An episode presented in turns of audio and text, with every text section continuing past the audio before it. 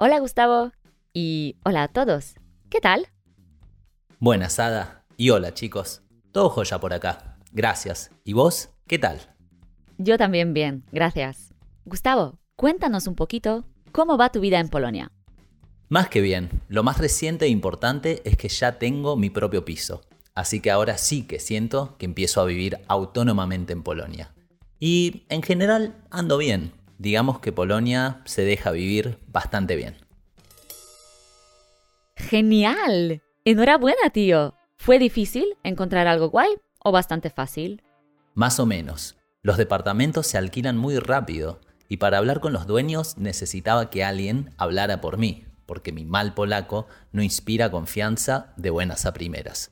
Así que hasta que alguien no me ayudó con eso, estuvo bastante difícil. La segunda cosa que costó es que alguien diera su dirección ante notario público para que yo pudiera alquilar.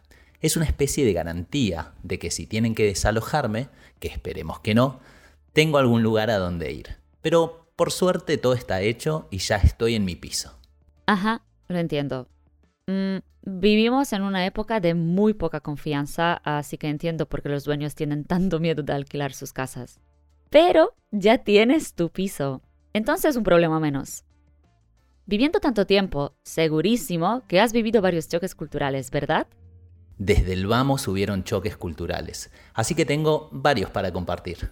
Perfecto, porque sobre ellos quiero hablar hoy. Dime, ¿cuál es la primera cosa que aparece en tu cabeza cuando piensas sobre los choques culturales?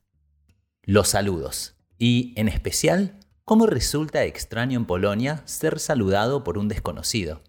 En Argentina si venís caminando y una persona que viene de frente mantiene un contacto visual lo suficientemente prolongado para meritarlo, uno lo saluda. Y ojo, ¿eh? Que no se espera nada, es como un tic, un movimiento espontáneo. La mayoría de las veces te saludan de vuelta, te asienten con la cabeza o levantan ceja y pera mientras largan un qué tal o lo que fuere. Acá generalmente la gente desconocida ni te saluda ni te recibe de buena gana un saludo inesperado. Y cuando lo hacen, los polacos se extrañan y surgen conversaciones del tipo, ¿de dónde conoces a ese señor? ¿En serio? Sí, en serio. En las ciudades es un poco menos común.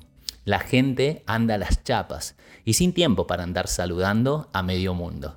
Pero no es algo raro que si saludas a un desconocido, te salude de vuelta. En las ciudades chicas y pueblos es tan normal saludarse que un saludo amistoso es decir, ¡eh! ¿Ahora no saludás? Cuando uno no ha sido el primero en saludar, como si lo echaran en falta.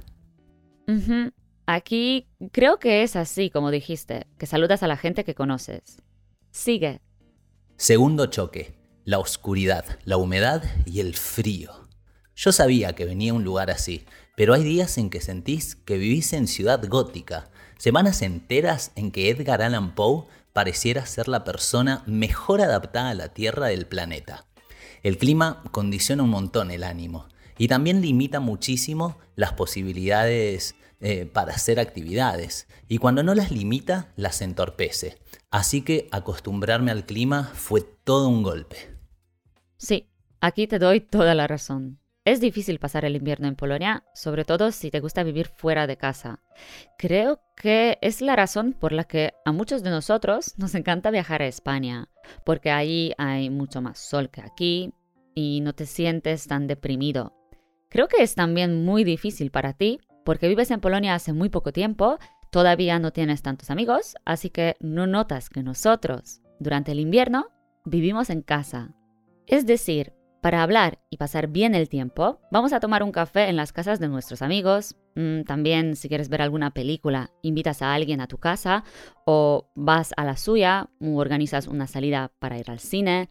Compras cervecitas e invitas a tus amigos o familiares para cenar. Si tienes ganas de tener otro tipo de entretenimiento, pues nos encantan los juegos de mesas, salimos a los clubes. Y es verdad que en España, por ejemplo, puedo salir de fiesta sola y si quiero, conozco mucha gente. Aquí en Polonia no es tan fácil obtenerlo, ya que somos un poquito más distantes. Sí, no es tan diferente allá. En la Patagonia y Argentina es muy similar. No es que siempre salís para divertirte, sino que muchísimas veces te juntás en lo de un amigo o en tu casa. El tema es que recién desde esta semana tengo mi casa. Amigos de a poquito voy haciendo y estoy seguro de que pronto se popularizarán en mi vida las domuvki. domuvki. Hace tiempo que no uso esta palabra. Antes del tercer choque cultural. Hola, hola, hola, soy Ada. Y yo soy Gustavo. Y somos profesores de español en la Academia Insta-Hispánsky. Si a ti te gusta escuchar podcasts sobre la cultura sobre los países hispanohablantes, estás en el lugar perfecto. Y si aparte de esto quieres también practicar hablar porque entiendes absolutamente todo, suscríbete a nuestra academia en www instahispansky.com. Tercer choque, y este es el mayor knockout de los choques culturales, el idioma. A pesar de que entiendo una banda de polaco, mil cosas se me pasan. Y entonces entorpezco las conversaciones grupales con mi incomprensión, las conversaciones uno a uno son más una dádiva del polaco que se digne hablar con un caracol que una conversación. Y donde mejor me va es en las tiendas, por varias razones. Los polacos hablan poco con desconocidos, entonces un dzień dobry, proszę y do cumplen la cuota de conversación con creces. Cuando la conversación escala en complejidad, estás en una tienda. Quieren venderte lo que estás buscando y se esfuerzan por comprenderte. Y también, en general, aunque no haya una transacción monetaria de por medio, los polacos se alegran de que extranjeros intenten dominar su idioma y siempre son abiertos para dar indicaciones y ayudar a quien balbucee su lengua. Incluso si solo dice to adres gdzie. Así que me va bien, más gracias al ingenio que al dominio de la lengua. Oh, me alegro mucho de escucharlo, ya que se dice que somos muy cerrados, que no queremos ayudar a los desconocidos, que somos secos, sosos. Así que muchas gracias por tus palabras. ¿Algún choque más? Sí, el cuarto choque, el silencio de los transportes. En Argentina, los transportes suelen ser bulliciosos. Tampoco es que todos vayan a los gritos, pero la altura media del volumen general es más alta que en Polonia. Acá viajando con los chicos, a mí me daban ganas de charlar y era el único desubicado con tal necesidad de comunicación como para hacerlo durante el viaje. Los polacos prefieren ir callados, de tanto en tanto decirse alguna ocurrencia repentina o un pensamiento urgente que los conmina a romper el tácito acuerdo de silencio. Esto hace a los viajes, sin embargo, más introspectivos y seguramente les ayuda a pensar sobre qué van a quejarse. Boludeo, pero son quejosos. Es innegable. No, no es que estamos pensando sobre qué vamos a quejarnos. Esto siempre sale tan espontáneamente y hay tantas cosas por las que debemos quejarnos que no tenemos que pensarlo en silencio. Pero es verdad que en los transportes públicos vamos callados. Cuando era niña, mis padres no me daban permiso para gritar, mm, por ejemplo, en un autobús, para no molestar a los demás. Hay que respetar al resto del mundo que viaja con nosotros. Por eso, si estoy en algún transporte público hablando con mi novio, mi familia, amigos, entonces siempre bajo un poquito la voz. Lo mismo hago en el restaurante. Y es verdad que esta costumbre es muy diferente a la de los españoles o latinos. Y lo que a mí me encanta durante el viaje es el tiempo. Es decir, Prefiero no hablar con nadie porque en este momento prefiero dedicarme a escuchar audiolibros, podcasts, música, ver una película o serie si es un viaje más largo. Trabajando tantas horas y haciendo siempre tantas cosas, casi nunca tengo tiempo para sentarme y relajarme con este tipo de entretenimiento. Así que, en lugar de hablar con un desconocido, prefiero hacer esto.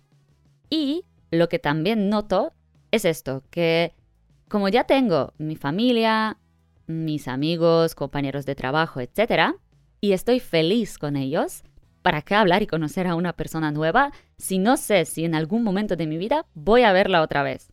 Así que lo trato como una pérdida de tiempo.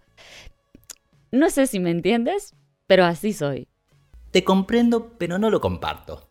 Yo ya tengo mi gente, pero soy demasiado curioso de los otros para evitarlos.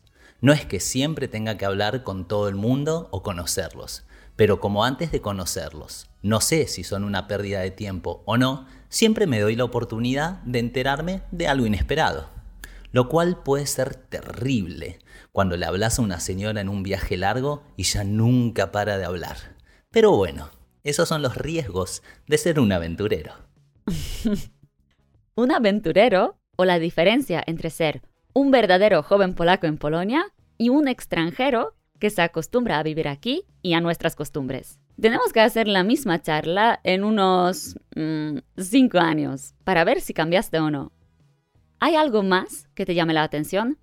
Sí, me llama la atención, pero también me da mucha ternura ver la cantidad de viejitos que hay por todos lados haciendo sus compras y cosas diarias. Yo no sé si es por el frío o el conjunto de esta arquitectura ruda, cuadrada, con prevalecencia de colores pálidos, pero sobre ese fondo van viejitos que parecen de una media de entre 75 a 90 y tantos años, con sus bolsitas de compras, curvados, lentos y ocupados, entre la nieve y el frío, bajo la lluvia y la niebla. A mí me dan una sensación ambigua. Los considero muy grandes. Me pregunto por qué no mandan a comprar a sus nietos. Y no sé si en Argentina habrá más viejos que en Polonia. Pero me parece que acá se notan más. Hmm. Creo que es porque cada persona tiene su vida y también crecemos en esta mentalidad de que en cada momento de nuestra vida tenemos que ser muy independientes.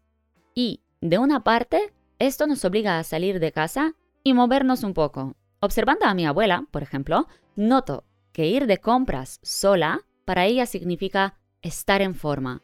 Pero también, mírame a mí, ¿cómo quieres que haga la compra para mi abuela si vivo a unos 250 kilómetros de distancia? Y mucha gente vive como yo, es decir, muy lejos de sus familias. Creo que tú lo notas así porque primero, vives en un pueblo y segundo, haces compras por la mañana cuando toda la gente joven está en el trabajo. Si vas al supermercado el miércoles a las 6 o 7 de la tarde, vas a ver que también hay gente joven. Seguro que sí, pero les juro que el tráfico de la tercera edad por las mañanas en Polonia suele estar muy congestionado. En realidad, me encantaría ser fotógrafo y retratarlo, porque es inspiradora esa vejez activa en un clima tan malo. A mí me pega fuerte, en serio. Sí, y aunque atascan los supermercados, es una buena noticia para nosotros, los jóvenes. Aunque mucha gente piensa que se vive mal en Polonia y critica el país, en esta imagen vemos que vivimos muchos años. Así que no se vive tan mal, ¿no? Digamos que si fuera tan malo, yo no estaría acá. Y con esto terminamos. Si queréis apoyarnos, podéis dejar me gusta y tocar la campana. También dejarnos saber si notáis algunas diferencias entre Polonia y otros países. Esperamos con ansias vuestras respuestas. Muchísimas gracias por quedarnos con nosotros hasta el final y muchas gracias Gustavo por dedicarnos tu tiempo libre. Nos escuchamos pronto. Chao.